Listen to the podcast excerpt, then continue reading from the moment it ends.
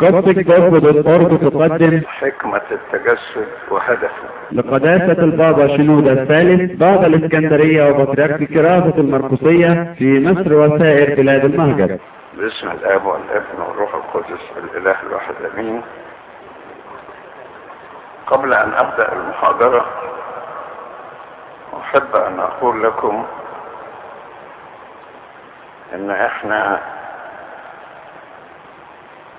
هنسافر إلى أمريكا لو أحيانا الرب وعشنا يوم 22 يناير يعني قبل الاربع اللي جاي. الغرض الأساسي هو تأسيس كنيسة جديدة في المكسيك.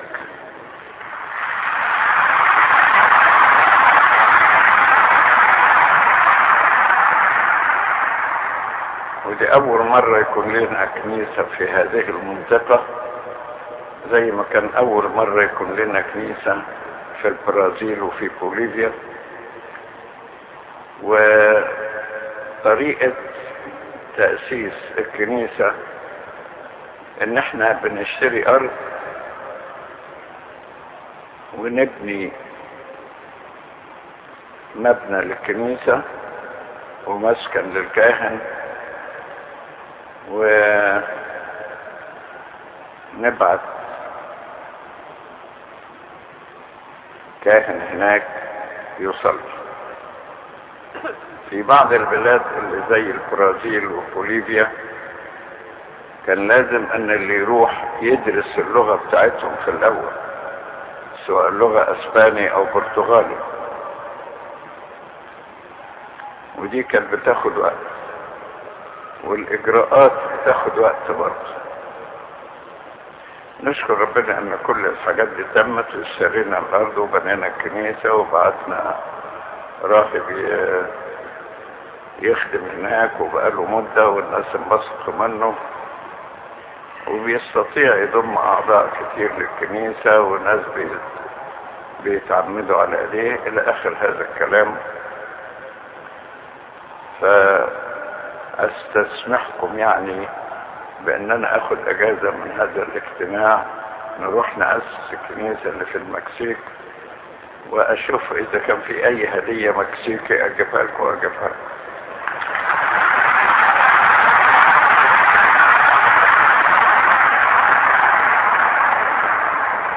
على أن نعود بمشيئة الله يوم 11 فبراير. لأن في نفس الوقت اللي تدشن فيه كنيسة المكسيك هندشن كنيسة في بيتسبرغ وكنيستين في ستيتن آيلاند. ونفتقد أبنائنا اللي موجودين هناك. نسافر محمولين على صلواتكم ونرجع محمولين على صلواتكم ونشكر.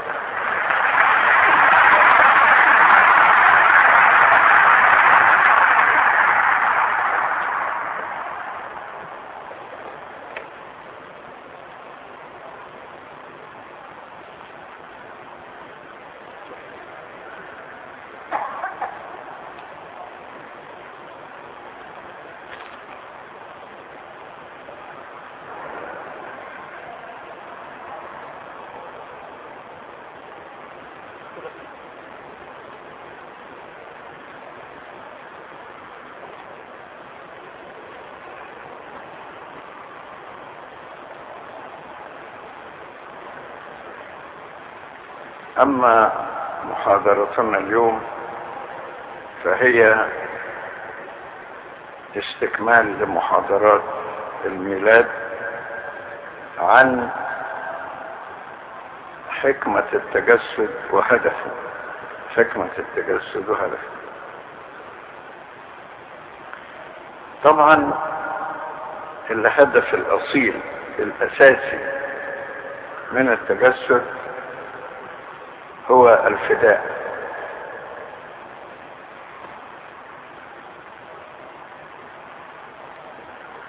وتخليص الإنسان يعني خلاص الإنسان. دي هنشرحها بالتفصيل ولكن في أهداف أخرى جانبية إلى جوار الفداء كانت إن السيد المسيح ينوب عن البشرية في أمور كثيرة هنقولها ويصلح مسار التعليم برضه هنقول الحاجات دي ويقدم صورة مثالية للإنسان الصالح. فإيه الحاجات دي جت إزاي؟ من جهة إن التجسد هدفه الأصلي هو الفداء. معروف إن الإنسان الأول أخطأ إلى الله. مش بس أخطأ يعني أكل من الشجر لأن الخطية أصلا موجهة إلى الله نفسه. ولذلك داود النبي كان بيقول إليك وحدك أخطأت إليك وحدك أخطأت والشر قدامك صنعت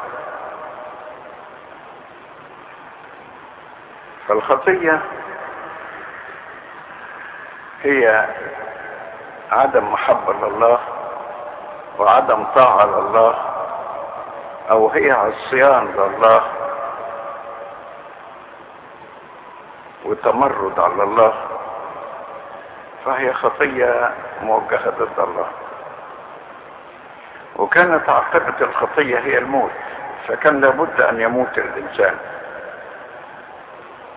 وهنا نستعير بعضا مما قاله القديس أثناسيوس الرسولي في كتابه تجسد الكلمة.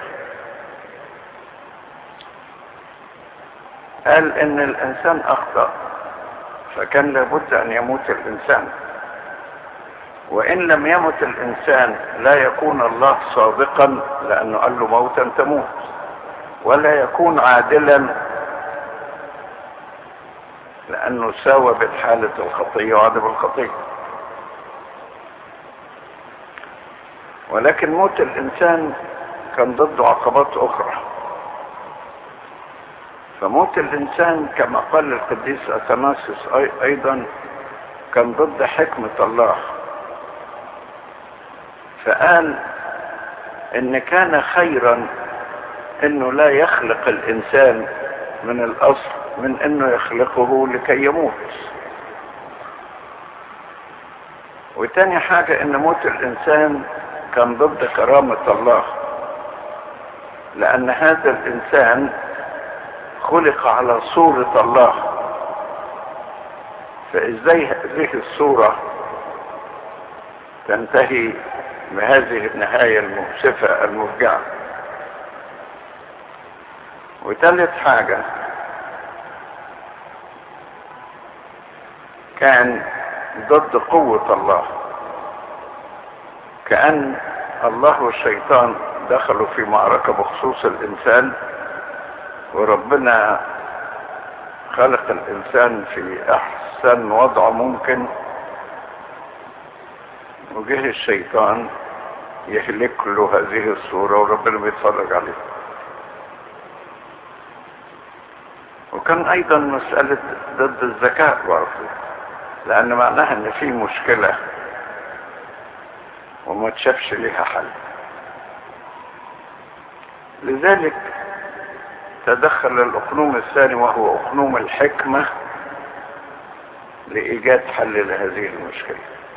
وهي التجسد الإلهي والموت نيابة عن الإنسان لكي يخلص الإنسان ولا يهلك. وكانت التجسد مش بس قصة فداء وإنما قصة محبة أيضا. يبدأها معلمنا يوحنا الإنجيلي في إصحاح 3 آية 16 هكذا أحب الله العالم حتى بذل ابنه الوحيد لكي لا يهلك كل من يؤمن به بل تكون له الحياة الأبدية. فهي مسألة حب. لذلك جه السيد المسيح وأخذ جسدا. آه تجسد باللغة القبطية ألطف. نقول أبتشي ساركس. يعني أخذ جسد. تشي يأخذ وساركس يعني جسد. وعاش بيننا لكي يفدي الإنسان ويخلصه. ده أول سبب. السبب الثاني للتجسد هو إنه جاء ينوب عن البشرية في كل شيء. البشرية فقدت الطاعة نحو الله هو يمثل الطاعة الكاملة؟ البشرية فقدت الصورة الإلهية فهو جاء ليقدم لهم الصورة الأصلية الكاملة. التي ينبغي أن تكون للإنسان الكامل.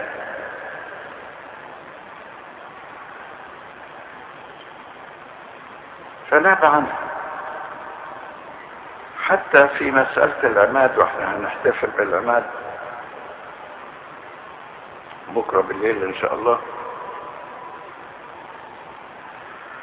أقدم إلى يوحنا لكي يعتمد منه معمودية التوبة. والمسيح لم يكن محتاجا إلى التوبة لأنه بدون خطية ولكنه أراد أن ينوب عن البشرية.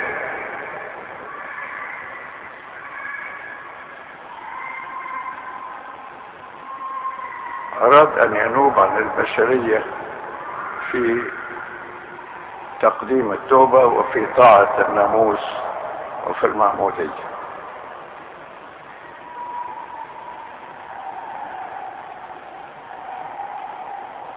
ناب عنهم في الموت بأنه مات عنهم وناب عنهم في المعمودية. تقول طب ما في ناس اتعمدوا لكن مش كل الناس اتعمدوا ناب عن الإنسان في كل شيء لدرجة إنه كان باستمرار يحب لقب ابن الإنسان ويقول على نفسه ابن الإنسان. فهو ليس ابن شخص معين إنما هو يمثل الانسان جملة. فلذلك سمى نفسه ابن الإنسان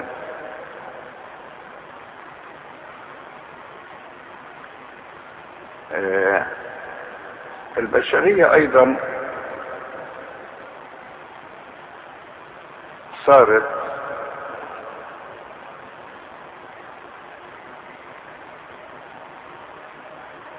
يعني أول خطية ليها كانت الأكل من الشجر فجاء السيد المسيح يرد على دي بالارتفاع عن مستوى الأكل الصام أربعين يوما وأربعين ليلة. هو لم يكن محتاجا إلى الصوم. إحنا بنصوم من أجل كبح جماح الجسد وهو مش محتاج لدي. لكن صام بالنيابة عنه ولذلك في الترتيلة بنقول صام عنا أربعين يوما وأربعين ليلة.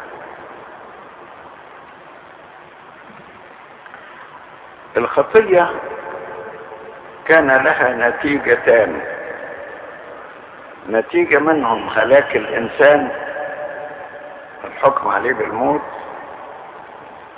ونتيجة تاني إغضاب قلب الله. فجه السيد المسيح يستوفي هاتين النقطتين. ينوب عن الإنسان في حكاية الموت وأيضا في إرضاء قلب الله. كيف يظهر شخص في البشرية كامل بلا خطية لم يغضب الله في شيء. حتى دي واضحة في الذبائح اللي كانت تقدم قديما. كانت ذبيحة المحرقة تعبير عن إرضاء قلب الله. ولذلك ما كان يأكل منها أحد. تظل النار تأكل فيها حتى تحترق وتتحول إلى رماد. رمز إلى استيفاء حق الله.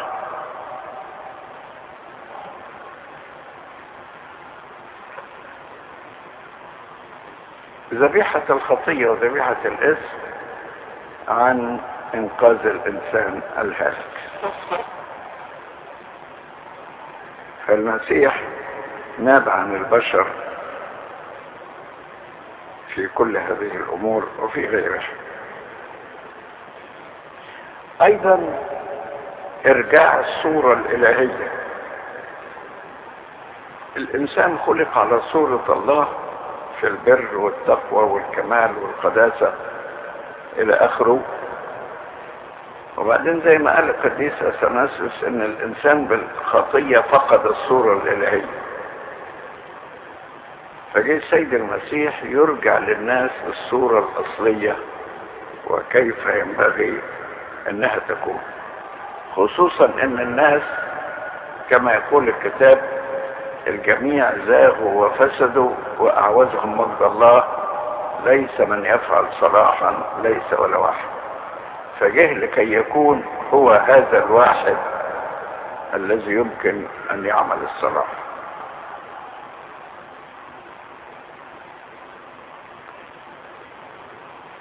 ولذلك قال البعض التأمل بسيط عن عبارة سليمان الحكيم ان وسط الف رجل وجدت واحد صالح وسط النساء لما جت فقال إن هذا الواحد الصالح هو يسوع المسيح.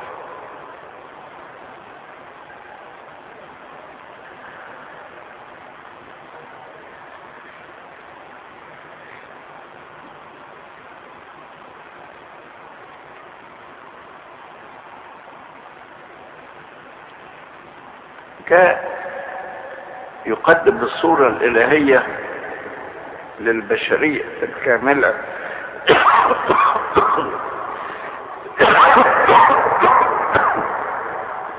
في عدة أمور. عشان كده قال تركت لكم مثالا. حتى كما فعلت أنا تفعلون أنتم أيضا.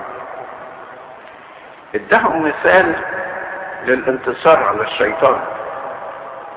لأن الشيطان كان انتصر على الكل.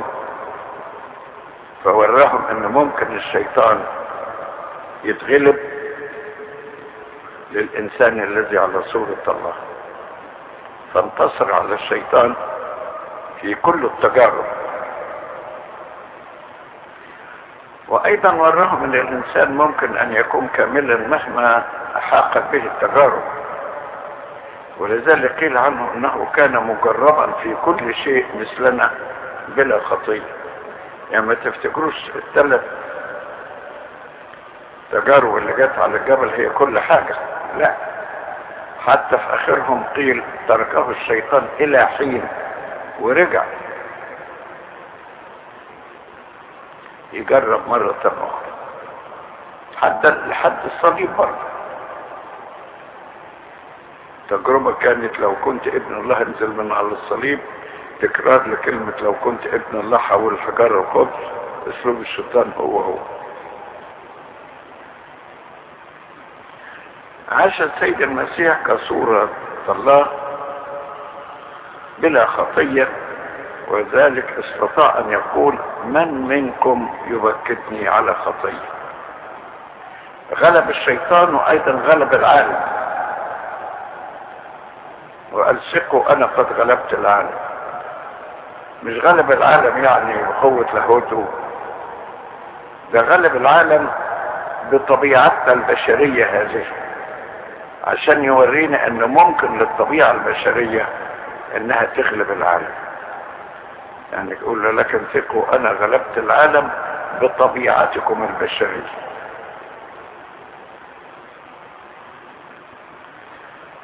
أعطاهم مثل لصورة الله في التواضع من كل ناحية وأنا كلمتكم في موضوع طويل عن التواضع قبل كده في ميلاده وفي فترة تجسده كلها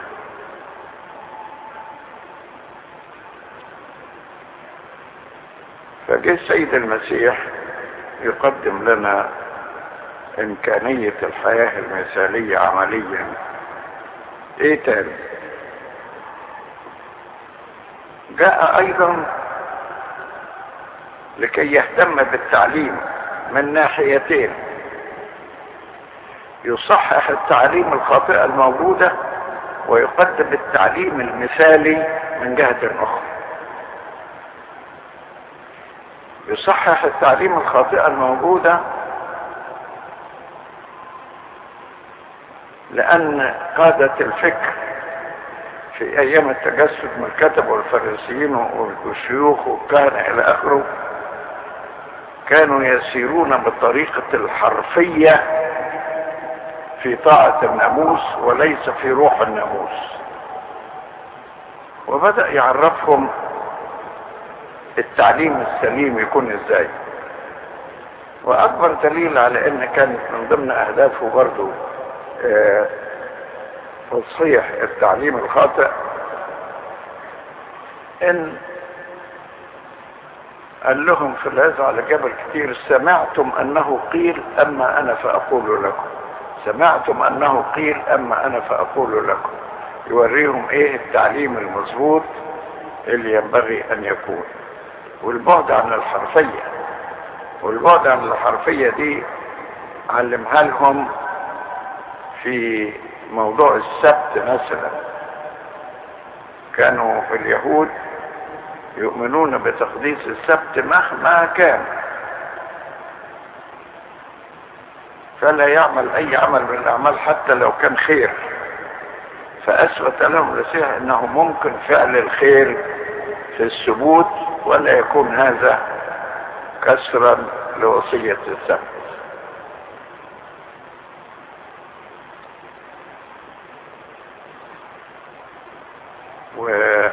وأيضا قدم لهم تعليما إيجابيا في الوصايا الإيجابية المثالية جدا زي مثلا أحبوا اعدائكم باركوا لعنيكم أحسنوا لمبغضيكم مفيش حد من الفلاسفة قال كلام جميل من هذا النوع. وفي التعليم الإيجابي أيضا اعطاهم فكرة عن الله ليس الله المخيف المرعب إنما الله المحب. قدمه للناس كأب وقال لهم تصلوا وتقولوا أبانا الذي في السماوات وأبوكم السماوي يعلم أنكم تحتاجون إلى هذه كلها. فقدم الله كأب وكراعي مش كمرهب ومخيف. وقدم لهم التعليم السليم في الاحتمال. قصبة مردودة لا يقصف وفتيلة مدخنة لا يطفئ.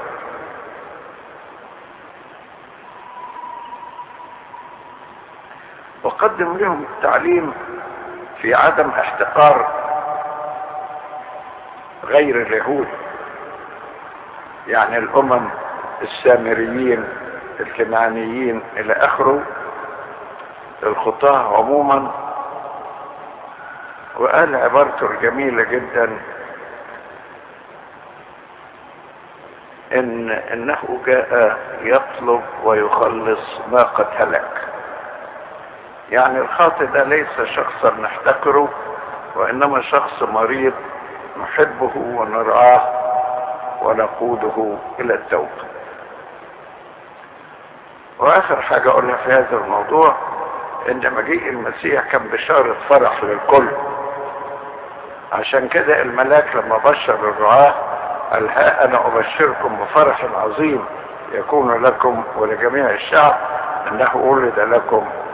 بل كان فرح للجنين يوحنا المعبدان في بطن أمة. وفرح للمسبيين الذين نادى لهم بالعتق. والمأسورين الذين نادى لهم بالإطلاق وفرح أنه يعطي الرجاء لكل خاطئ. يكفي هذا الفضل وصلي